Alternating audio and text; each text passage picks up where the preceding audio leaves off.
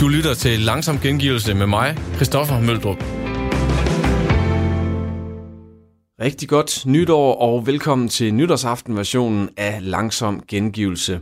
Det er en kærkommen mulighed at lave opgørelser, når et kalenderår slutter, og i særdeleshed lige netop denne nytårsaften.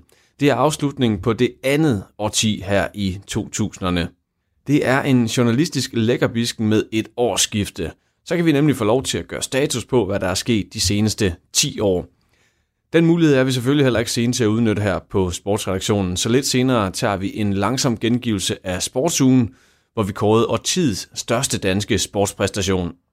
Jeg har også taget meget andet godt med i programmet.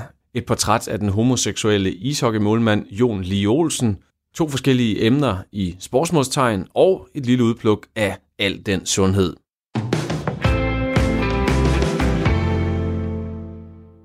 Vi indleder med sportsmålstegn. Og sidste programmet afslutter vi også med et højdepunkt fra selv samme program. Håndbold samler det meste af Danmark i december og januar. Her spilles der henholdsvis damernes og herrenes enten VM eller EM slutrunde. Men hvorfor i alverden har man lavet en bold, hvor det er nødvendigt at smøre de stakkels fingre ind i harpiks for overhovedet at kunne håndtere den? Det får du svar på i sportsmålstegn. For der er faktisk produceret en bold, hvor harpiksen bliver på bolden og ikke sætter sig fast på hverken hænder, halvgulv, målstolper eller overlæggere. Amalie Bremer og Simon Kivits hyggede sig enormt i deres julespecial den 25. december.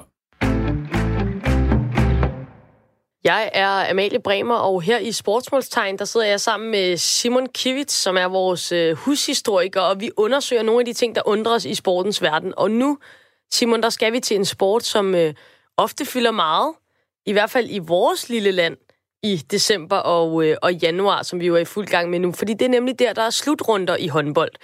Og håndbold, det er jo her til lands en, øh, en populær sport, og, øh, og selvom at de holder slutrunde sådan cirka hver anden uge eller sådan noget, så er der jo... Altså, danskerne kan ikke få nok af håndbold. Øhm, men altså, der er et stort problem med håndbold, hvis du spørger mig. Der er simpelthen en, øh, en fejl i sporten. Der er faktisk der er noget galt med håndbold. Håndbold okay. er gået i stykker. Det virker ikke. Øh, og så har man forsøgt at fikse den her fejl ved hjælp af noget djævelsk stas, der hedder Harpix. Mm. Altså, hvorfor er det, at man ikke har gjort bolden mindre, i stedet for at øh, de stakkels spillere, de skal simpelthen tvinges til at smøre sig ind i klister. Det må være altså, helt vildt nederen, dårligt for ens håndhygiejne. Det er bare, det er rigtig irriterende. Ja, jeg har faktisk øh, jeg har en teori om det. En, en mindre konspiration måske at gå længere tilbage end vikingetiden. Kom frisk, kom frisk. Det er derfor, du er her. Ja, ja. Altså, Harpex, det er jo fossilis- en fossiliseret udgave af det rav. Vi har rigtig meget rav i Danmark. Historisk set har vi ikke været særlig gode til at bruge vores ressourcer særlig konstruktivt. Derfor vi måske har behov for at rejse ud og plyndre og så videre i, uh, senere hen i løbet af historien. Men vi har jo rent faktisk haft rigtig meget af det her rav. Og det har vi ikke kunne finde ud af at bruge til noget. Det har romer. Bedsteforældre bruger det til deres halskæder. Så det meget gør ved det. jeg. Og det er måske noget, de har lært af romeriet, øh, som rent faktisk kunne bruge det her rav. Øh, så grunden til, at vi har en masse forskellige sådan, øh, romer, romerske... Øh, romerske anti, anti, antifakter, Artefakter, ja. ja øh, handler simpelthen om, at vi har altid har haft en øh, kæmpestor handel med rav ned til romeriet. Og vi har haft en rigtig god øh, jordbund i Danmark til at bibeholde de her artefakter. Øh, så øh, det, det, forklarer, øh, det forklarer men det forklarer også, på grund til, at vi har været dårlige til at bruge det, så opfinder vi så en sport, der hedder håndbold. Og så sidder man og tænker, vi har det her produkt, vi ikke kan bruge til en skid, og romerne, de er stoppet med at handle med os med rav. Så nu tager vi det i den lidt tidligere udgave, og smører vi det ind på boldene. Så har vi noget klassisk dansk, vi bruger til en klassisk dansk opfindelse. Så har vi fået en løsning på øh, øh, vores harpik slash problem. Nu sagde du selv øh, konspirationsteori. Altså, det var, ikke, det var ikke mit ord. Det var jo, det var jo dit ord. Men, ja. men, men Simon, jeg kan lide, øh, hvor du er på vej til at spænde fuldstændig ud af en tangent. Øhm, jeg tænker, at vi skal have en, øh, have en ekspert ind over for at få øh, måske bekræftet den her øh, romeride handels øh, konspirationsteori, som, øh, som du har ildt over. Øh, Claus Philipsen, du arbejder ved Select og, øh, og er med til at designe de her blandt andet håndbolde. Hej. Hej. Du, øh, du er lige kommet hjem, eller ikke lige, men, øh, men for ikke så lang tid siden kommet hjem fra, fra VM i håndbold i øh, Japan, og udover at det gik desværre øh, totalt jammerligt for Danmark, hvordan var det så? Jamen, det var, det var spændende at følge de danske, de danske piger. De klarede sig rigtig godt, de to kampe, jeg så. Det. Desværre så gik det lidt da, da jeg rejste hjem igen, men jeg tror nok, det hænger sammen. Det tror jeg, men, personligt. det tror du øh, men øh, nej, det var, det var sjovt at se, hvad hedder det. Desværre var der ikke så mange tilskuere, som man kunne håbe på, men sådan er det jo nogle gange, når man øh, afholder et VM i, i den del af, af verden, desværre. Og øh, altså, nu ved jeg godt, det er jo ikke dig personligt, og der er sikkert alle mulige regler fra Dansk Håndboldforbund og Internationale Håndboldforbund osv., men hvorfor er det, at I ikke har designet en bold, altså en håndbold, som spillerne kan holde om, uden at smøre sig ind i harpiks? Øh, jamen, det har vi faktisk også. Øh, vi kom med en bold, der hed Maxi Grip, øh, for cirka to år siden, som har et øh, fantastisk greb på niveau med Harpex. Øh, og fordelen med den, det var, at det her klæb altid sad fast på bolden, og det vil sige, at når du slap den, så sad der ikke øh, klæb i hånden eller på gulvet. Ulempen med, med bolden, det var, at en bold med så stærk en klæbeemne, den, øh, den også opsamler alt støv, sand, smus, hår, den møder på sin vej. Aha. Og jeg ved ikke, om du har været ude i en hal og se, hvor, hvor beskidt halvgulv nogle gange kan være, når børn de kommer direkte fra en fritidsordning og traver henover med vinterstøvler, og så går ind og spiller håndbold bagefter. Så det her, altså, det her med, at du kan godt øh, lave en bold, der har et fantastisk klæb, øh, også på niveau med harpix, ulempen kommer, øh, når den øh, rammer gulvet, hvor der ligger sand og hår og så videre. Så øh, har harpix en klar fordel, fordi det kan påføres løbende, og derved har du altid et stærkt greb. Øh, så det er ligesom det er ligesom de udfordringer, der er med at, at, at lave noget andet end, end lige harpix. Men jeg tænker altså, øh, det, det giver jo super god mening. Jeg har slet ikke tænkt over det her. Den vil selvfølgelig vil samle alt muligt øh, haløjser op og glaskår, og hvad har vi rundt omkring? Bruger til dit tøj. Ja, selvfølgelig. Øh, men, men når du bruger, har en almindelig håndbold, som de er i dag, hvor at, øh, at spillerne også bruger harpix, den bliver vel også ret klistret, så samler den ikke også alt muligt øh, ukrudt op? Det gør den også, og du vil også se en bold, der for eksempel er blå og hvid til at starte med efter to måneder, så, noget, så er den næsten sort, hvis du ikke renser den. Mm. Så den samler lige så meget op. Men øh, hvis du lægger mærke til spillerne, så ligger de også lidt hardpicks på, øh, på skoen, øh, så de står og kan, kan, hvad hedder det, hele tiden sørge for, at de har lidt i hænderne. Øh, og de går, når de går ud, øh, hvad hedder det, til pause, så står der også en hardpicks-bøtte derude, så de påfører det altså løbende i løbet af kampen. Og det vil sige, at ligegyldigt om bolden den optager øh, smus og sand og hår og så videre, så påfører de løbende harpix, og derved så har de stadigvæk et fantastisk greb i løbet af kampen. Og harpix har bare et fantastisk greb, det må jeg bare sige. Øhm, så det giver nogle muligheder i spillet, som man ikke vil have, hvis man ikke har harpix. Og nu, nu ja, du sagde, at man har harpix i skoen? Nej, man sætter simpelthen, de tager en klat, og så sætter de det på, på, på skoen på siden, så de øh, okay. løbende lige kan tage en lille klat op på fingrene. Øh, så man er klar, hvis man ikke kan nå ud på bænken og få noget, få noget mere på. Okay, det var nyt for mig simpelthen. Hvad, men hvor længe har man brugt det her harpix? Altså er det fuldstændig fra håndboldspillets fødsel, at, øh, at, man, at bolden var på den måde, at man skulle bruge harpix for at kunne, kunne holde fast i den? Åh, oh, det kan jeg ikke øh, lige huske, men altså mm. øh, i hvert fald en 20 år tilbage har man, har man brugt det, og sandsynligvis også mere. Øh, og det har jo givet nogle ting til spillet, som, øh, som gør, at man kan spille i meget højere fart, og man kan lave nogle, nogle skud og nogle ting, som man ikke ville kunne gøre med en, med en bold uden, uden klæb på. Så, øh, så det, har, øh, det har betydet rigtig meget for sporten. Øh, så øh, jeg er klar over, at der er nogle ulemper med det også i forhold til rengøring og så videre, men, men selve spillet vil tabe en del, hvis man ikke, øh, hvis man ikke anvender harpix. Og altså, er det simpelthen ægte harpix, man bruger? Ja, det, eller der er både kemisk fremstillet harpix, og så er der harpix fra naturtræer. Vi øh, fra Select, vi benytter os kun af harpix fra naturtræer, fordi, øh, ja, nu bliver det lidt teknisk. Der er nogle syregrupper i, Endelig. Som gør, at, øh, at de øh, bliver opløst af, af basiske rengøringsmidler. Det er vores overbevisning, at øh, det har de kemisk fremstillet ikke, og øh, derfor er de øh, ofte svære at rense af, af et halvgulv. Så, øh, så vi, øh, vi er ret tro mod de øh, to harpix-typer, vi, øh, vi sælger. Og hvordan, øh, altså, hvor, hvor, hvor får I alt det harpix fra? Ja, det får vi fra øh, Kina, og så bearbejder okay. vi det og gør nogle ting ved det, så de kan, kan bruges til, til håndbold. Så den danske harpix, øh, den er ikke, den er ikke ja, på niveau? Men, den, jeg vil ikke den helt. Jeg kan ikke svare på, hvad andre de gør, men jeg kan i hvert fald sige, at vores det er ikke ud fra Vesterhavet, når vi har været ude sammen rav op. og så smeltet om. Så desværre, det vil ellers være ægte, altså en håndbold, dansk håndbold, og så dansk øh, harpix fra... Det er ny nordisk på et helt nyt niveau, altså. Men, men det, jeg vil sige, det giver mig ideen til et nyt projekt, så jeg skal da prøve at give det videre til, vi har en ingeniør ansat, der måske kan ligge og tumle lidt med det. Yeah. Det, det støtter vi op om vi i hvert fald. Vi tager kun 70 procent. Ja. og hvordan, altså, jeg skal bare lige høre, fordi igen, så forstår jeg ikke helt det her med, med størrelsen på bolden.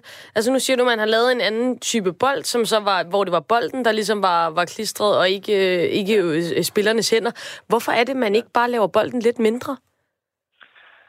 Uh, ja, det er jo et godt spørgsmål. Hvad hedder det? Det har også været drøftet uh, uh, mange gange, hvad hedder det.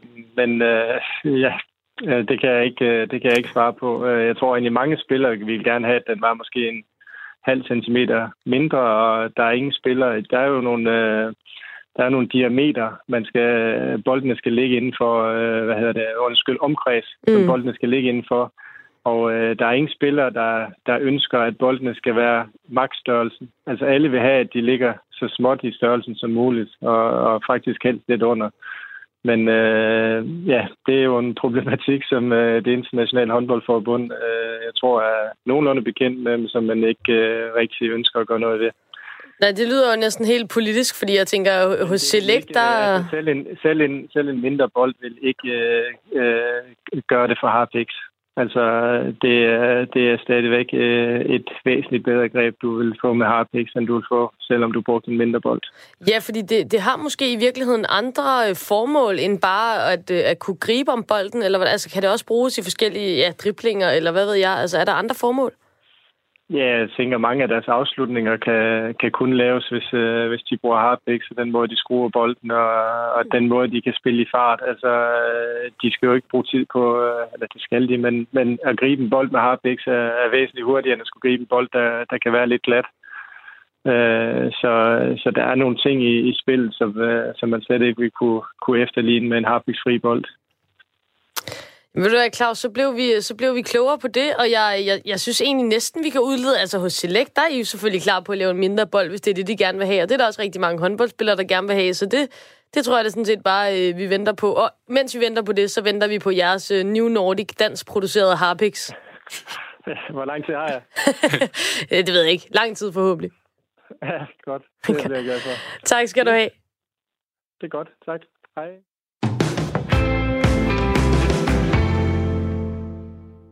Vi elsker lister og opgørelser, og ikke mindst tilbageblik, når kalenderen giver os mulighed for det. Og med skiftet til et nyt årti, altså 2020'erne, så er det tid til at gøre status for de seneste 10 års danske sportspræstationer. Claus Elgaard havde sat begge timer af i sportsugen til at finde frem til årtidets bedste danske sportspræstation. En umulig opgave for de fleste, for hvordan sammenligner man Mast Pedersens VM-guld i landevejscykling – med Pernille Blumes OL-guld i 50 meter fri. Jeg kan afsløre, at særligt to præstationer blev fremhævet blandt de tre herrer i studiet, der foruden Claus Elgaard også talte Jens Folmer Jebsen og Jan Skovby. Og her får du et genhør med de to favoritter, og selvfølgelig den afsluttende votering af årtidets største danske sportspræstation. Så kigger vi på noget tennis, for i 2018 vandt Karoline Wozniacki en Grand Slam-turnering. Og Grand Slam, det er jo en af de fire store. Det er French Open, US Open, Wimbledon eller Australian Open, altså de åbne australske. Og Wozniacki vandt Australian Open ved at slå Simona Halep, og øh, det lød sådan her.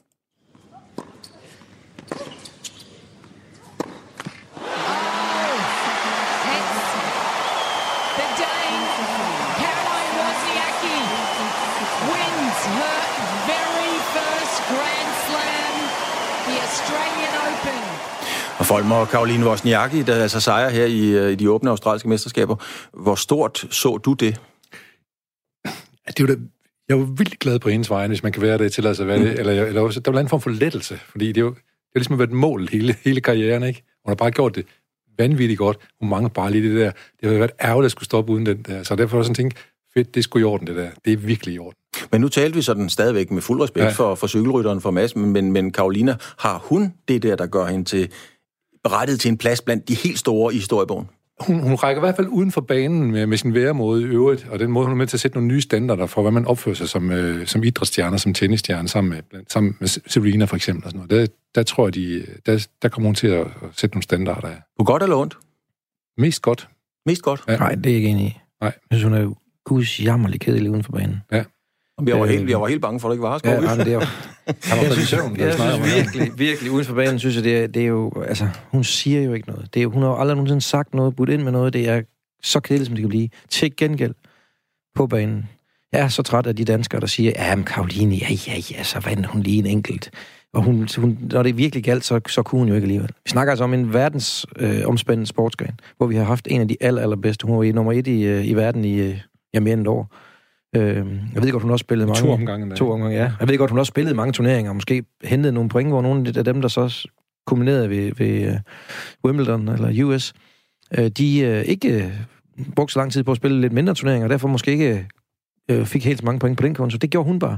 Men den måde, altså det, hun har præsteret inden for den sport der, det er så kæmpestort, så jeg, altså om, også om 20 år, så vil vi stadig snakke om, at Karoline Wozniacki, hun var noget fuldstændig fantastisk på banen. Ja, der, der skal komme en rune her nu for, ligesom at, Ja, for, eller, glemmer hende. eller For- Clara selvfølgelig. Ja, ja. Men, men vi, stadigvæk, vi kommer ikke til at glemme hende, fordi det her det er første gang, i hvert fald i nyere tid. Nu kommer jeg, man kan I huske dengang, Ja. ja. Kurt Nielsen han spillede. Nej, det kan jeg ikke huske. Det kan øh, men, men Det- det i kan hvert folk fald, med mig. Ja, oh, men I er godt nok også gamle. Men i, til, i, for, altså, i nyere tid, der er hun jo øh, det eneste, vi har haft, som der for alvor kunne... Jeg ved godt, at, at Lygte også øh, vandt en Wimbledon. Det var i dobbelt. Det tæller ikke rigtigt, vel? Ja, hvis Hun er det- virkelig Hvis, fantastisk. man skal, hvis der, noget, som dansk tennis var ved den nærheden eller andet, det var vel at spille A-gruppen i Davis Cup med, med, med Carlsen og ja. Tausen eller sådan noget. Men, men Folmer, kan vi ikke... Øh, altså. Skal vi ikke give Skovby ret i, Nej. at, at vi har jo aldrig rigtig hørt Karoline Wozniacki sige noget, der er mere kontroversielt, end jeg vil gøre, hvad jeg kan? Nej, øh, hvad hedder det? øh, Der er jo lige nogle, måske Messi på en eller anden måde, kan man sige. Men det må man sige, det er, at hun er jo hun er en af de, de atleter, der tjent aller, aller flest penge. Og det har hun ikke gjort, fordi hun har spillet godt ind på banen. Det er, fordi hun har set sød. Det er, fordi hun har været dygtig til at, at brande sig selv. Og der, på den måde tænker jeg på, at der, hun har jo grebet den mulighed, der ligger i den sport for at brande sig selv og tjene en masse penge. Og der kommer hun til at sætte nogle nye standarder for, hvordan man, hvad man gør for at komme til at tjene penge. Det er, det er også fordi, hun har også haft udseendet med sig. Havde hun nu ikke været så køn og smilende, som hun er, men havde lignet øh, noget, der var løgn, øh, jamen så havde hun ikke tjent nær den, det, det, det beløb, hun kom op på. Fordi hun, hun har jo alt med sig. Hun har hele pakken. Hun spiller enormt godt tennis. Hun er, hun er køn, og hun vil gerne stille op til øh, både i badedragt og alt muligt andet, så hun kan tjene de her mange, mange penge. Men det er jo en del af forretningen. jamen, ja, intet ondt i det, skal være hende vel ondt. Hun har virkelig fortjent hver en krone, hun har tjent. Hun Ja. har gjort det fantastisk. Hun har tjent øh, i rene præmiepenge, der har hun faktisk kørt øh, 237 millioner ind. Ja. Det er jo da også en Og, slat, og ikke? det er vel halvdelen. Hun er lidt under halvdelen af, hvad hun ellers har tjent. Mm-hmm. Men det, det, det, det er top i orden. Jeg tror, hun kommer til at sætte nogle standarder, og så skal du tænke på det ene. Det, det, er, det er kvindetennis. Mm. Vi er vant til, at det er mændene, der kører kagen på det der. Ja. Jeg tror, hun sætter nogle standarder som kvindeidrætsudøver. Nu, øh, nu bragte du selv øh, Kurt Nielsen på banen, Skovby, og, og altså, nu kan jeg jo lige prøve Folmer. Øh, 53-55, der ryger han i finalen. Ja. Han slår den samme spiller begge år på vej. En af de helt store legender. Jamen, er det, jeg, jeg, jeg, sgu ikke, jeg lyver også, når jeg siger det, for jeg er ikke, jeg jo- jeg er ikke født i 53-54, men jeg kan huske omtalen af det. Var du ikke? Nej, øh, desværre. Men spillede han mod Rose Wall? Ja, han slår Ken ja, Rosewall ja, ja, i øh, begge gange. Ja. Det gør han faktisk, og, øh, og så vinder han jo faktisk også øh, US Open i 57 i mixdobbelt sammen med Althea Gibson. Ja. Og så har han vundet Wimbledon også for, for, for drenge, og han har vundet French Open også for drenge. Også en kæmpe stor spiller, ikke? Du lytter til Radio 4. Nu skal det handle om øh, badminton, fordi Danmark vandt Thomas Kopp øh, i badminton i maj 2016, det første danske hold-VM nogensinde. den sidste Vindinghus. Og så kan du juble. Og det kan du der! Ja! Danmark har vundet VM for første gang nogensinde. Turneringen den blev spillet i Kina, helt, helt bestemt i Kunshan, og i semifinalen mod Malaysia, som i øvrigt havde Morten Frost som træner dengang, var Danmark bagud med 0-2, øh, men vandt de sidste tre kampe, og kampen altså med 3-2. Og det var i øvrigt reserven Emil Holst, der vandt den afgørende tredje single, og det var fordi, at Jan Ø. Jørgensen var skadet og ikke kunne spille i semifinalen. Og kampene består jo af tre herresingler og så to herredobler. Og inden turneringen, der var Carsten Mogensen blevet opereret for en hjerneblødning, og derfor var han naturligvis ikke med til at spille øh, med dobler, og han var en af Danmarks og verdens bedste spillere på, øh, på præcis det tidspunkt. Folmer, hvad, øh, hvad siger du til sådan en øh, præstation at vinde Thomas Kopp? Det synes jeg er vildt. Jeg, jeg, jeg er meget stærkt imponeret over det, og jeg synes også, jeg ser også, altså, det, det, den tanke, som jeg lige fik noteret, du siger, nu er den reservedom ind over, det er en, der blev syg inden, at nogle gange, så er det åbenbart, øh, så sker der noget positivt ved, at der er nogle, er nogle store tænder, der bliver trukket ud af munden. Der. Det er jo vildt ikke at have Janne Jørgensen med, og ikke at have Mogens med, ikke? Og så alligevel så vinder det. det er jo, hvad sker der? Kan du blive fascineret af badminton, når du sidder og ser? Ja, jeg, kan jeg faktisk godt. Jeg, men jeg, jeg er sådan en, der... jeg er tilbage til Svend Pri og Delfs og Lene Købten og dem der. Der så jeg, der synes det var fedt. Det var dengang, der blev verdensmesterskaber i badminton, og Danmark jo rent faktisk vandt, ikke også? Hvor stort, øh, Skorby, hvor stort var det øh, pressemæssigt øh, at, at vinde den her? Øhm, ikke så stort, som det var, øh, som jeg synes, præstationen egentlig berettede til. Altså selvfølgelig var vi, øh, var vi som nation glade for det og stolte over det, men, men jeg tror, at en del problem der er, at vi er, vi er vant til at vinde i badminton. Vi har vundet rigtig mange ting. Victor har lige vundet VM. Er, er det her sådan noget sådan særligt? Ja, det her det er kæmpe stort. Det er, Især efter kineserne kom med, ikke? Så det, mm. Om det er jo en enorm præstation. Altså, hvis vi ved, hvor mange spiller badminton i verden. Hvis man ser de der kinesere, øh, vi, både folk og mig har faktisk været ude og vi var til et, øh, vi sad i en, en komité til Korn Idræts øh, største idrætspræstation i Aarhus, og der var vi så øh, Morten Frost også en del af komiteen. Og så lagde han da lige ud med at give en lille lektion i badminton. Og der, det var en lektion. Der, det var så ud, ud af en lektion, men det var sjovt at høre ham fortælle om, hvor, hvor vildt er det her. Altså, hvor stort er det her. Øh, altså, kineserne, de tager jo, fra de, øh, hvis du i en alder af fire år viser, at du har et talent for at holde en catcher i hånden, så bliver du bare taget fra dine forældre og fragt til Nordkina, hvor de har øh, fabrikker liggende, og så kan du ellers bruge de næste 20 år på at, at vise, om du er god nok, eller 16, 15, 16 år på at se, er du god nok til det her. Når du så bliver sorteret fra, så bruger du bare ud med et brag, ikke? Det er en helt anden måde, men der er bare så enormt mange, der dyrker det her. Det er jo ikke kun Kina, det er jo også Japan, Indonesien, Malaysia, Indien, det er en enorm sport, den her. Og, og, vi, og når vi så kan vinde og komme til tops i den her, jeg siger dig, det er, altså hvis vi tog ud til Asien, så ville vi, øh, og sagde vi for Danmark, så var det bedre at sige, godt sige Michael Laudrup, så er der nogen, der vil vide, hvem det var. Men så er du, altså, det var altså også der vandt den her, så skal du se dem den. Men nu kan vi jo spørge øh, Hans Christian Wittinghus, øh, hvor stort øh, Hans Christian var det at, at vinde øh, Thomas Kopp? Det var, det var kæmpestort. Altså, det er i særklasse øh, selvfølgelig for mig den, den største oplevelse, jeg har haft i min karriere, men uh, jeg er faktisk også gået så langt som at sige, at det er, det er den største præstation for, for dansk badminton i, igennem historien, og der har imod væk været nogle store præstationer gennem årene. Uh, det var, jamen, det er næsten beskriveligt for os, hvor, hvor, hvor stort det var, når man tager alle de uh, alle de historiske elementer i betragtning, øh, og egentlig også hele den optag, som vi havde til, til turneringen, så var det ikke ligefrem forventet, at, at vi skulle øh, hive guld med hjem fra, fra Kina dengang. Så det var bare på alle parametre, var det øh, egentlig en, en gigantisk præstation for os. Hvad, hvad er det, der gør det så stort? Fordi det er jo det bliver næsten ikke større, faktisk.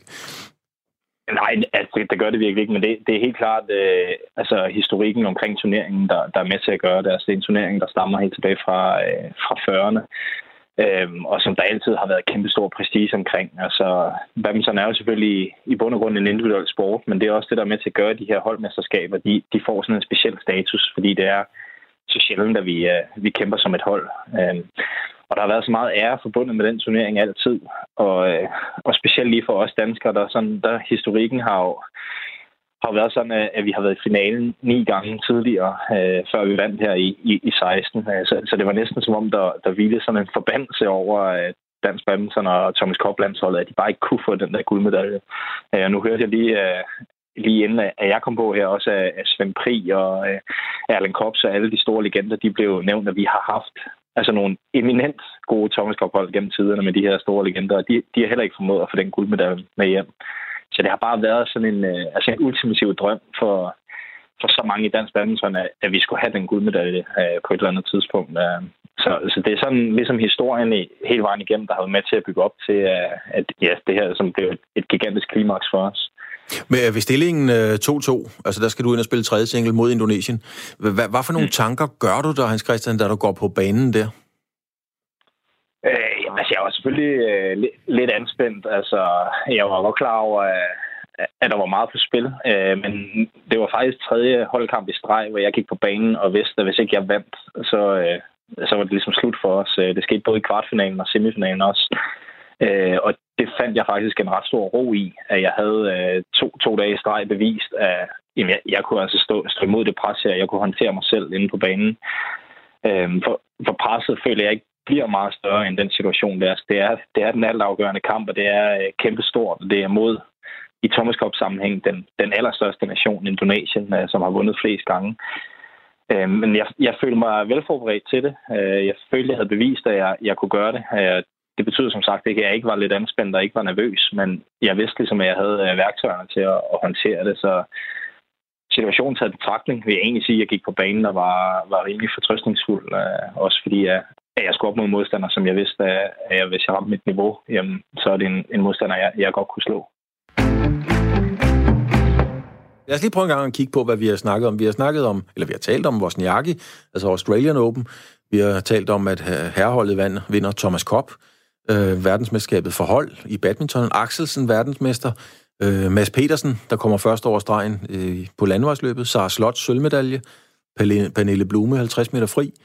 Så var der herrehåndbold, vi hørte Kasper Søndergaard, som var inde og fortælle om det, der de vinder OL-guld i 16. Så var der, øh, så har vi talt om Kessler øh, i 2010, der slår Karl Froch og Rendum her, og så har vi været omkring uh, Tom Christensen også. Er det ikke nærmest ja, der, vi har været? Jo. Øhm, hvad siger Skovby i forhold til en eller anden form for arrangering? Ja, ja. ja lad os finde etter. Det, ja. det skal vi. Altså, jeg synes, jeg står sådan og vakler mellem to. Øh, men jeg har faktisk, øh, jeg ved godt, hvad jeg skal vælge, vælge fordi altså, jeg synes, Wozniacki er en enorm præstation, men det er ikke så meget hendes Australian Open sejr, som det er hendes karriere generelt den synes jeg fortjener så meget ro, som man kan give den. Men derfor synes jeg heller ikke, den kan vinde. Fordi det er sådan lidt mere sådan, det er sådan, fordi du generelt i dine mange år i tennis har været fuldstændig formidabel. Mm-hmm. Ja, altså, jeg synes, uh, Thomas Kopp-sejren, den er, uh, den er helt, helt formidabel. Okay, jeg er overrasket, fordi der troede jeg, at jeg skulle til at, at Argumentere for den. Argumentere for den. Nej, Nå, men jeg, jeg, jeg kigger på, hvem, hvor meget var de oppe imod. Mm. Kessler var selvfølgelig også op med nogen, og, og, og, de, og håndboldherrerne er jo helt sikkert også. Men de her var, at det er jo bare, de er op imod en milliard mennesker derude. Hvad siger Folmer? Jamen, jeg tænker, jeg er nødt til at lave en top 3, for jeg siger, Wozniacki vil jeg sige, fordi at, at det kan godt være, at, det, at, at hun har haft en, det er et langt, fin karriere, hun har haft, men det er også sikkert pres, hun har haft, for at hun skulle vinde den kamp. Det er den ene kamp, der, den, den, den skal vindes, for ellers så det er en plet på hendes karriere, hvis hun ikke vinder. Mm. Hun vinder den fandme. Og det var en vild kamp, ikke? Var det ikke fem sæt mod Halep, eller mange tre sæt spiller det kun, sæt, ja. Men Halep skulle på hospital bagefter og alt muligt andet. Alt, der var alt det drama, du kunne, uh, overhovedet kunne trække ud af sådan en kamp. Og så er det, det er ligesom kronen på værket for, for, for vores Njakkes karriere, kan man sige. Så derfor jeg, jeg har den rigtig højt op uh, på rangering. Mm. Og så personligt synes jeg, at uh, håndbold er uh, OL, for det er sjovt at kigge på det. Så noget, jeg kunne sidde, sidde, sidde fjernsyn og yes, Øh, så det er sådan en mere personlig ting. Øh, og så øh, var det den sidste ting, jeg tænkte på. Nej, det var ja. nok de to der. Thomas Kopper er selvfølgelig vildt også, altså. Ja, øh, men hvis vi skal sætte en af dem øverst? Jamen, så tror jeg, jeg tager Wozniacki. Du tager simpelthen, så vi, ja. så vi har en Thomas Kopper, og, og vi har en, øh, en Wozniacki. Jamen, det er mere fordi, så for at sige noget enten Jan. Ja, jamen altså, hvis jeg må komme med mit beskedende bud, så må jeg også, der har jeg jo sagt fra start af, jeg synes, at, øh, jeg synes, at Thomas Kopp er, øh, er fuldstændig øh, vanvittigt. Ja, men jeg tror også, der er en forskel på at have været... Det er vanvittigt at kigge på det, læse det i avisen, men er det ikke også vildt, når man, hvis man overværet kampen og har fulgt med hele vejen igennem og sådan noget, set det og sådan noget? Jo, det er, det er vanvittigt. Altså, vores fantastiske kollega, Christoffer Møldrup, som jo har kommenteret badminton på, på TV2, han, han var derude og, og, og så det hele. Og, øh... Måske hvis du ser det tv fuldt med det, altså, de mm. vinder sgu ikke. Det er også, det er også, jeg tror, at min OL med herrerne er stor, fordi man sidder og kigger på det, ikke? Nå, vi er, vi er nået vejs ende, og øh, i hvert fald, så hvis vi bliver i, øh, i boksesproget, vinder med dommerstemmerne 2-1 i det blå hjørne. Thomas Kopp, 2016. Ja, ja tillykke med. Let's get ready to rumble. Så, øh, jungle. Og der er helt sikkert mange lyttere derude, som synes, at øh, vi har valgt det helt forkerte. Det var den helt forkerte, der, der og så videre. Men snak videre om det, fordi det er faktisk ret hyggeligt. Og også komme i tanke om, hvem var det, man selv havde som idol, enten som badmintonspiller, som sejler, eller hvad det nu engang måtte være. Tak til Jens Skorby, som er chefredaktør på øh, Aarhus Stifttiden. Tak til Jens Folmer Jebsen, som er kulturatlet, 10 år som direktør for Aarhus Festuge. Ja. Øh, klar, klar. Og jeg var også med. Øh, tak for den gang, og på genhør. Langsom gengivelse. Lyt med hver tirsdag 20.05. En af de mest opsigtsvækkende sportshistorier i løbet af 2019 handlede slet ikke om sport. Den handlede om ishockeymålmanden Jon Lee Olsen fra de danske mestre Rungsted Sejr Capital. Han fortalte hele Danmark, at han var homoseksuel. Det lyder måske ikke som noget opsigtsvækkende i 2019, men det er det rent faktisk i sportsverdenen, der igennem mange år har været en macho-verden. Sportsverdenen har selv igennem flere år opfordret homoseksuelle til at stå frem og fortælle, at det er okay at være homoseksuel, og ikke mindst gøre op med dogmet om, at der ikke er plads til den seksuelle orientering i sports, og der slet ikke i en hårdkogt holdsport som eksempelvis ishockey. Jon Lee Olsen blev manden, der åbent og ærligt fortalte, at han er kærester med en anden mand. Claus Elgaard har mødt den 27-årige ishockeyspiller i fremkaldt. Hvorfor, øh, John, hvorfor, hvorfor, øh, hvorfor valgte du egentlig at springe ud? Jamen, det, det er egentlig noget, jeg har gået og tænkt over i mange år, og, og specielt siden, at, at, at jeg begyndte at blive professionel, så, øh, så var det en tanke i hovedet, hvor der er, man, ligesom, man går meget omkring ishockeyhold. Vi er jo sammen næsten hver eneste, hver eneste dag i, i løbet af, af en meget kort periode, eller en meget lang periode, undskyld, i, i, i ishockey, ikke? cirka 8-9 måneder sammen, ikke? Og, og så følte jeg lidt, at man, man, det blev, man blev sgu nødt til at, at, at kunne være mere sig selv i omklædningsrummet, hvis der man føler, det, det, det tager for meget af ens øh, kræfter. Mm. Og så til sidst så var det egentlig bare noget, et spørgsmål om, om man følte, man kunne være mere sig selv og kunne, kunne se sig selv i øjnene, øh, inden at ens karriere måske var færdig, og man så bagefter tænkte, åh, det var ærgerligt, at jeg ikke fik gjort det her, fordi det kunne egentlig være meget rart, at, at folk vidste, og, og man egentlig ikke skulle gemme sig så meget, øh, og, og kunne være lidt mere sig selv. Altså man kan sige, det er jo fuldstændig ligegyldigt, hvad for en seksualitet folk har, men, men, men øhm, det er jo ikke ligegyldigt, om man kan stå frem med det. Mm. Øhm, har det været, var det en lang og sej beslutning for dig, inden, øhm, inden du ligesom sagde, nu gør jeg det faktisk, det er i dag, jeg gør det? Ja, fordi til sidst så gik man jo egentlig mange gange og tænkte, nu gør jeg det fandme, nu, nu siger jeg det. Og, og det er jo heller ikke den rigtige måde, at, at man skal gøre det på. Man skal jo, jeg synes lidt godt, man kan, kan gøre det lidt velovervejet, specielt når det er, at man, man dyrker en sportsgren på professionel måde, og ikke bare gå ud og sige det, fordi sådan er det jo ikke bare. Det er ikke bare lige at sige det til en ven. Øhm, så, så det har været noget, jeg har tænkt over i mange år. Det er jo selvfølgelig også klart, at, at på et tidspunkt så fylder det så meget, at det, at, øh, at det fylder for meget. Mm. Øh, Hvordan fylder for meget? Hvad mener du? Jamen altså, det, det er jo selvfølgelig, jo, jo længere tid der går, og man, man ligesom, om man føler, at man kommer tættere og tættere ind på folk, så føler man også, at man har et behov for at kunne fortælle nogle ting, som man ikke kan normalt, fordi man gemmer jo ligesom nogle historier og en del af sig selv for andre mennesker, som man ikke kan snakke med dem om. Og når man er sammen med dem hver eneste dag, og ikke kan snakke med dem ting, så kan du godt fylde meget op i ens hoved jo. Og for min del, der øh, kunne jeg mærke, at det, det, som, det, det, det, det, var for, det havde en for dårlig indvirkning på mig. Og jeg blev, jeg blev ikke lige så glad, fordi jeg ikke kunne sige nogle af de her ting, når folk de snakkede om deres kærester eller noget, og, og de spurgte mig, og så skulle jeg bare, så skulle jeg prøve at finde på noget at sige jo, og til sidst så blev det jo bare for meget. Altså, så ville jeg hellere bare være mere clean, og så sige, hey, jeg har en kæreste, og øh, kunne fortælle om det, i stedet for, at folk ikke skulle tænke så meget øh, over det længere. Hvordan, øh, hvordan fortalte du det? Altså, hvad, på, på, til et spillermøde, eller kaldte du dem ind, eller hvordan? Ja, jeg kan fortælle dig en anden historie, lige mens du tænker over det, øh, John. Øh, håndboldspilleren Annette Hoffmann fortalte mig engang, at hun sprang ud, men det var som kristen, og hun samlede Anne Dorte Tannerup, og hun fortalte mig i et interview, så jeg må gerne fortælle det videre. Øh, hun samlede simpelthen hele spillertruppen, og hun skulle springe ud som kristen, og det var hun øh, hyldende bange for i rigtig, rigtig mange år, og det var som kristen. Øh, og hun samlede spillertruppen og, og var meget nervøs for, hvordan de ville reagere. Altså, hvad gjorde du? Jamen, jeg gik egentlig over lang tid, og, og sådan skulle jeg, skulle jeg sige det til holdet til en træning, eller øh, skulle, jeg tage, skulle, man, skulle man tage et møde og, og, og samle folk, eller øh, hvordan ville være den bedste måde, som man også selv er bedst forberedt. Og, øhm, og jeg snakkede med nogle af mine gode venner, og, og min familie og min kæreste, og vi fandt, til sidst fandt vi ud af, at øh, vi har en gruppe på, øh, på WhatsApp, øh, hvor alle, alle er omkring holdet er på øh, holdet, og øh, spillerne og materialemænd og, og træner og sådan ting. Og så valgte jeg at, øh, at skrive dem en lille besked, meget, meget kort besked, mm-hmm. øh, nogle timer inden vi skulle til træning, hvor jeg sagde, at hey, jeg har bare lige noget, jeg har noget på hjertet, som jeg har brug for at fortælle jer, øh, som har fulgt meget for mig, og det er, jeg er homoseksuel, og jeg håber ikke, det kommer til at have nogen, gøre nogen forskel. Det føler jeg ikke, det gør. Øh, og øh, vi, ses til træningen senere.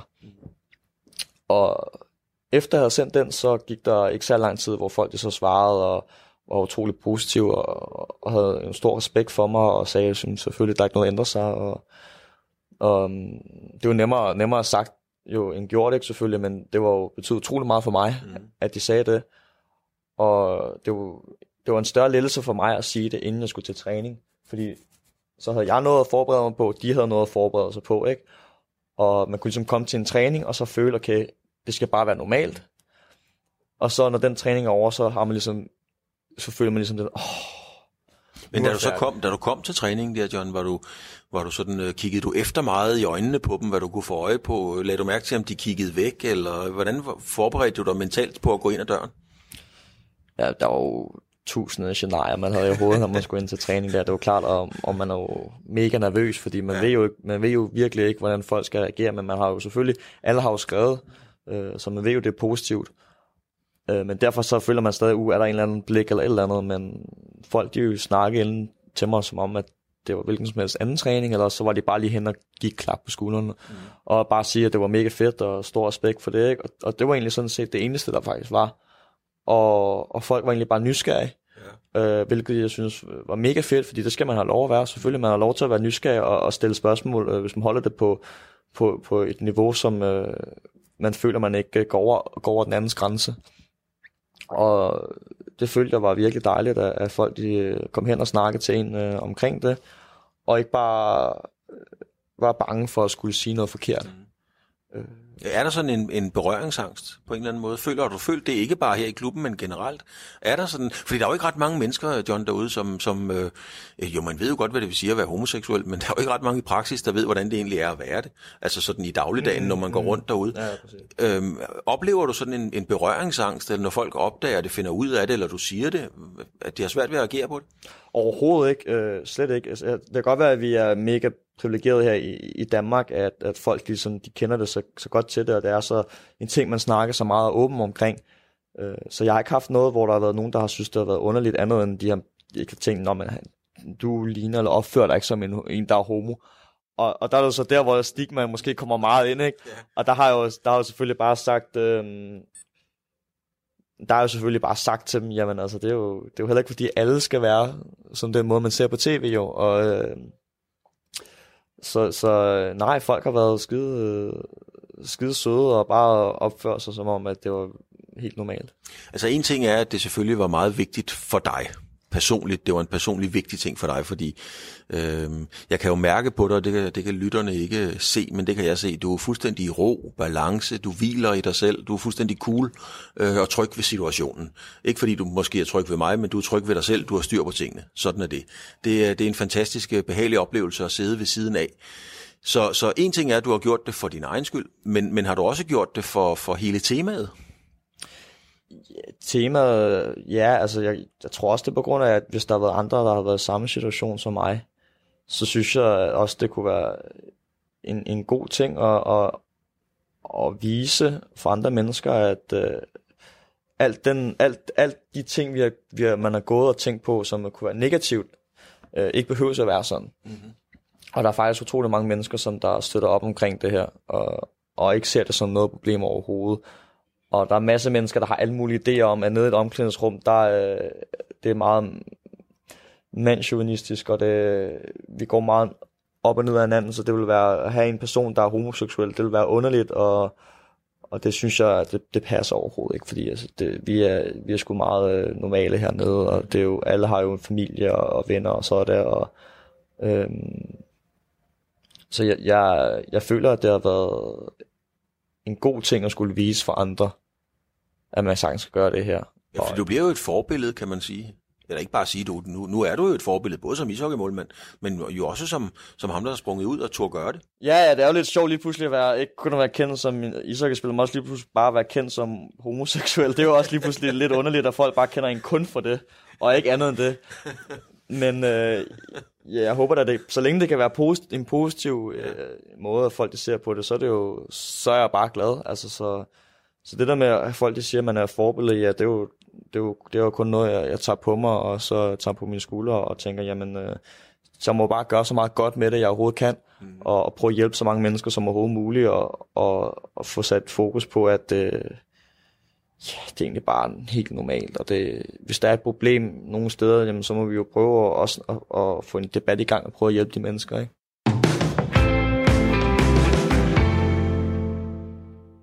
Nytåret sætter altid gang i nytårsforsæt. De fleste af dem handler om vores krop og sundhed. Men vi er der nogle stykker, der i slutningen af januar har glemt alt om de gode tanker og idéer, vi havde til nytår. I al den sundhed kan du få inspiration til, hvordan kost kan blive et sundt og effektivt nytårsforsæt. Umaro Kardogan er kostekspert, og han forsøger at forklare, hvorfor kosten er så vigtigt for et sundt liv. Og han har meget på hjerte om netop det emne. Nikolaj Damgaard er vært på programmet. Det lyder meget spændende, og du øh, har jo mange ord på, på hjertet. Lidt. altså sådan helt øh, basalt, altså hvor, hvor vigtig er kosten for vores øh, sundhed? Og kan vi, altså, kan vi få de her nødvendige vitaminer og mineraler gennem en sund kost, som for eksempel vores kostråd anbefaler? Ja, altså, der, der er jo flere spørgsmål i det her. Så det første er, hvor vigtig er kosten i forhold til sundhed? Den er enormt vigtig. Det er ikke det eneste. Så det, øh, jeg, altså fundamentet for sundhed, det plejer at tale om det, der hedder kramsfaktoren, så kost. Og det er at finde den eller de ændringer, der skal til for, at man har det godt og er sund eller bliver sund igen, og som man kan holde fast i at gennemføre.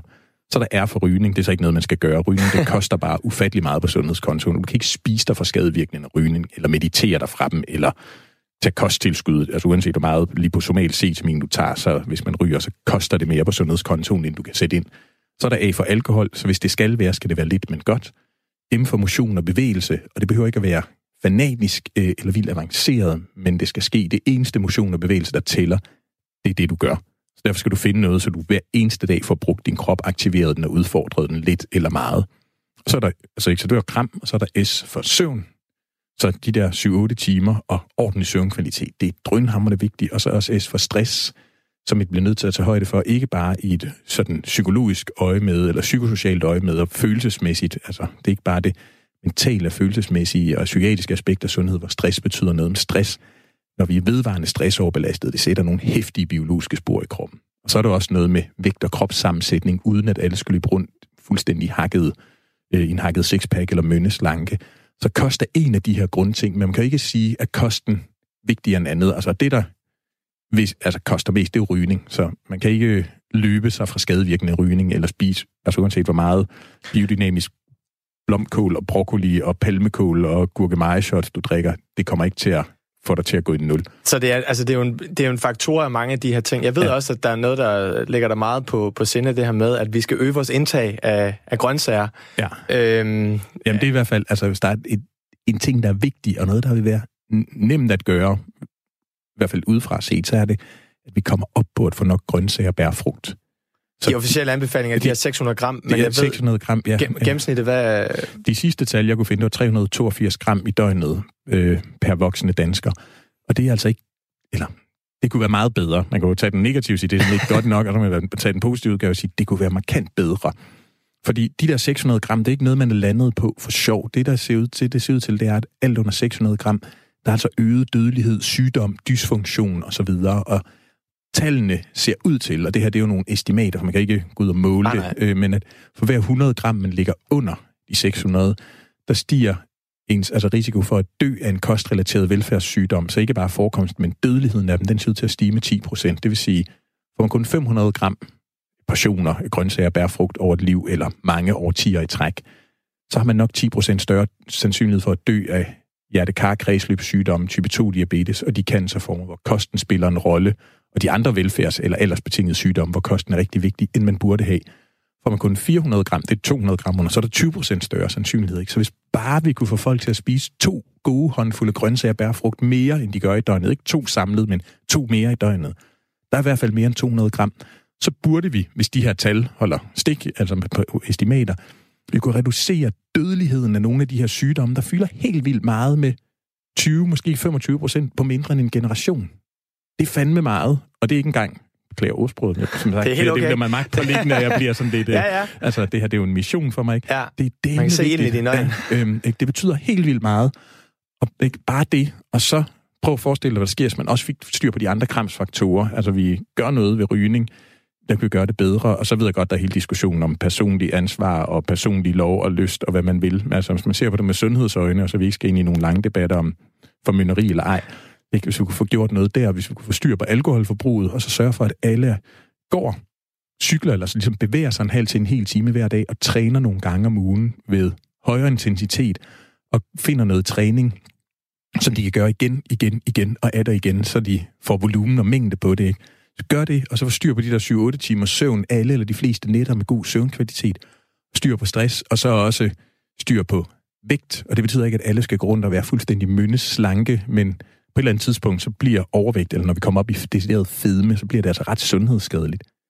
Jeg er simpelthen nødt til, nu er programmet her skal jo handle om kostens betydning, ja. så, så lige tilbage på sporet her. Hvad, hvad, altså, det her, du er inde på nu her, og det lyder jo øh, øh, rigtig vildt og godt, og man kan også se, hvor, hvor meget det ligesom betyder for dig, men, men, men hvor meget, altså hvor stor, har, stor betydning har kosten, kosten generelt for vores sundhed? Jamen, det, altså, det er jo, det, det, det, hvis, det, hvis den ikke er i orden, så koster det. Vi kan jo se, de her, ta- altså, de tal, det ser ud til, bare på ikke at få nok grøntsager, bær, frugt. Bum 10% større ja. dødelighed af en lang række sygdomme, der fylder enormt meget i statistikkerne og i sundhedsøkonomien. Så kosten spiller en rigtig stor rolle, men, men jeg bliver ved med hele tiden at sige flere ting, for man kan ikke isolere det, som bare siger, bare du spiser sundt, så er alt godt. Nej. Nej, men det er også det, sundhed er jo flerfacetteret, ja. så man kan godt lade, prøve at lade, som om det er kun én faktor, eller også bare i kosten er kun én faktor. Du skal kun spise plantebaseret, eller du må ikke spise animalsk, eller du skal spise animalsk. Sådan er verden ikke. Så hvis man prøver at reducere en kompleksitet, til noget, der er helt vildt enkelt, og giver en virkelig lækker punchline eller lækkert slogan. Det kan man godt, men det svarer til at argumentere med tyngdekraft. Man godt påstå, jeg, jeg er ligeglad med den, jeg tror ikke på den, så prøver at vandre ud fra fjerde sal, men det er en bræt og hård, brutal og smertefuld opvågning til virkeligheden. Og det er rigtig godt, du får det med, fordi det er jo nogle gange det, der ligesom bliver fejl i den her sundheds, at det er, at folk fokuserer på én faktor, og så tænker de ligesom, at det er, er redning for det hele. Øhm, men i dag skal det jo ligesom ja. handle om kostens betydning for vores sundhed, og yes. om det her med, om vi kan spise os raske. Ja. Radio 4 taler med Danmark. Som lovet, så afslutter vi den her nytårsaftenudgave af Langsom Gengivelse med endnu et højdepunkt fra Sportsmålstegn.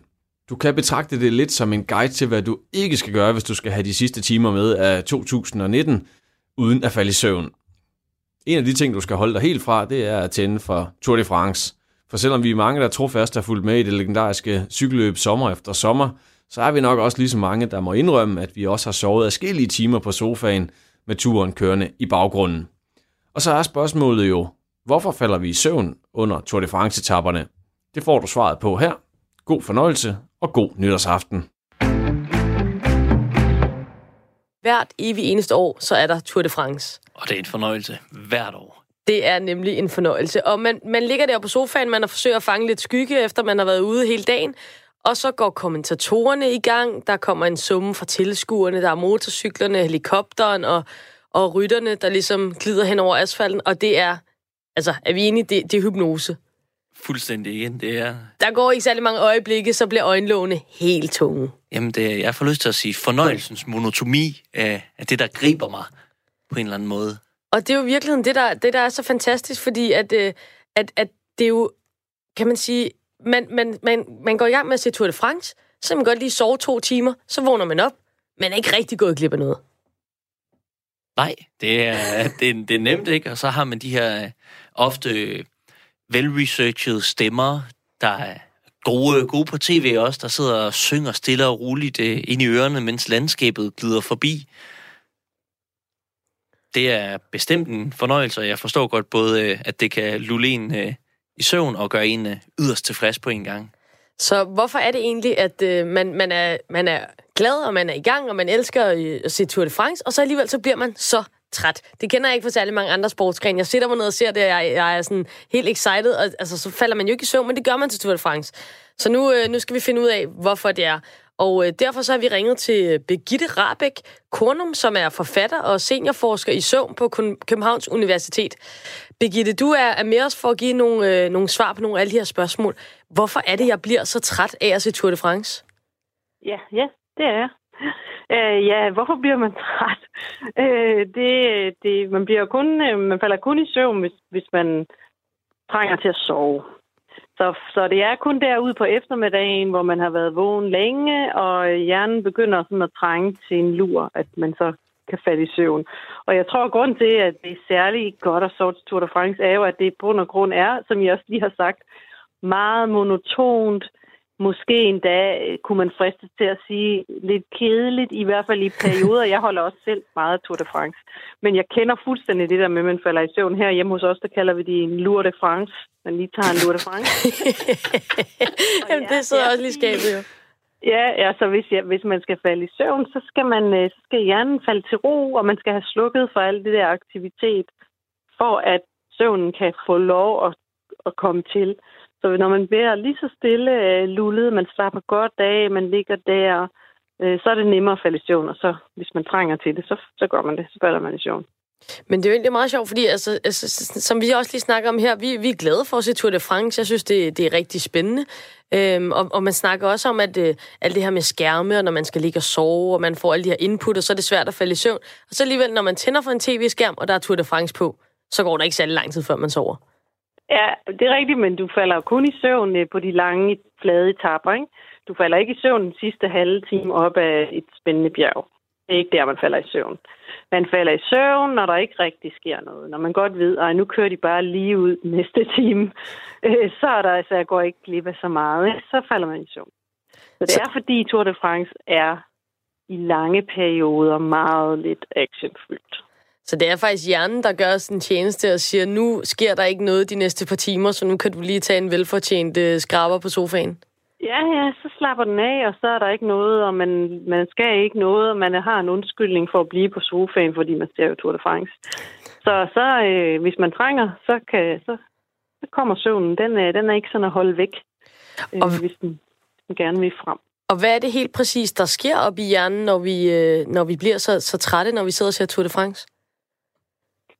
Ja, så det er den, sådan som vores søvnbiologi er, så har man har to områder i hjernen. Et, det som sådan er nede i bunden af hjernen, hjernestammen, som er aktiverende, som aktiverer os og holder os vågen. Og så har man et andet område, søvnkernen, som, som slukker for det aktiverende og får os til at sove. Og hvis søvnkernen skal slukke for det aktiverende, så skal der ikke være alt for meget aktivitet. Så hvis man er meget fuld gang med noget, eller man spekulerer, man er i gang i følelserne, eller hvad det kan være, så kan det være svært for søvnkernen at slukke.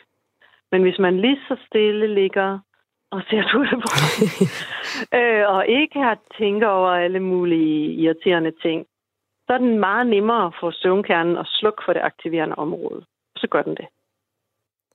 Og er, er, er der andre sådan indvirkninger i forhold til, altså nu snakker du om det her med monotomi, altså, altså øh, den her øh, måske kommentatorernes stemme, eller altså jeg, jeg tænker næsten på det som sådan en hypnose, altså er der andre, udover at man ligger på sin sofa og slapper af, og mange har ferie, hvad, hvad er det ellers, der spiller ind? Altså, så spiller det jo ind, om man ellers er, øh, har fået opfyldt sine behov, men hvis man er sulten, er det også svært at sove. Hvis man skal tisse, er det svært at sove. Men typisk, hvis man skal sidde og se Tour de France, så har man fået godt styr på de der ting. Man har ligesom ryddet de andre behov af vejen. Så man bare kan sidde og nyde turen og, og, ligesom kun tænke på det. Og det gør det bare nemmere at falde i søvn, at der er ikke noget, man skal ikke noget. Der er ikke nogen behov. Man skal bare sidde der slappe af og se, og se monoton Tour de France. Og hvad med varmen? Har det nogen indvirkning egentlig? Fordi jeg synes også nogle gange, man bliver jo træt af det der. Altså, jeg tænker på, det, det er jo i sommerferien der. Altså, har, har den der varme nogen indvirkning på hjernen, og, og man bliver træt? Ja, det kan man sige, at det har den i hvert fald indirekte. For det er sådan, at hvis man har det for koldt, så er det sværere at falde i søvn. Okay. Så bliver man holdt vågen, fordi det er farligt at sove, hvis det er for koldt. Altså, det siger på en måde sig selv. Man må ikke blive for kold. Man må heller ikke blive for varm. Det er også rigtig svært at sove, hvis det er meget varmt. Men sådan en dansk sommer, tilpas varm, så kan kroppen mærke, at ah, det er en god temperatur. Her kan jeg godt falde i søvn. Det er ikke farligt at sove i den her temperatur. Og så, så tillades søvnen. Det er mere sådan, at søvnen øh, tillades ikke så godt, hvis man har det for koldt eller alt for varmt. Men den der tilpasse danske sommervarme, perfekt for søvn. Så jeg tror simpelthen, at øh, vi kan konkludere, at øh, Tour de France, altså hvis man lider af, øh, af søvnløshed, så, øh, så er det bare det. Altså, det, det lyder som om, det, det tigger alle bokse af. ja, det gør det. Fedt. Og ja, så blev vi også bekræftet det er altså ikke bare mig, der er ekstra doven om sommeren. Det er faktisk min hjerne, der fortæller mig, at det er tid til at slappe af, fordi der ikke sker noget de næste par timer. Fedt. Birgitte, tusind tak skal du have, fordi vi måtte ja, øh, spørge dig om alle de her øh, komplicerede hjernesøvnspørgsmål. Tak skal du have. Det var så lidt. Jeg er velbekomme. Og Amalie, du er altså, du er jo 22 gange verdensmester. Du er jo en topatlet selv, så du skal jo ikke være i tvivl om, at du er bare sådan en doven jæs, der bare har brug for at sove på sofaen. Jamen det, er det, det er jo meget rart at få bekræftet, ja. at det, det, er jo ikke, det er jo ikke min skyld. Altså, det er jo Tour de France skyld, det er temperaturens skyld, det er min, min, min søvnhjerne, der fortæller mig, at nu er det tid til at slappe helt af. Amalie, du er helt normal. Det er virkelig rart at vide.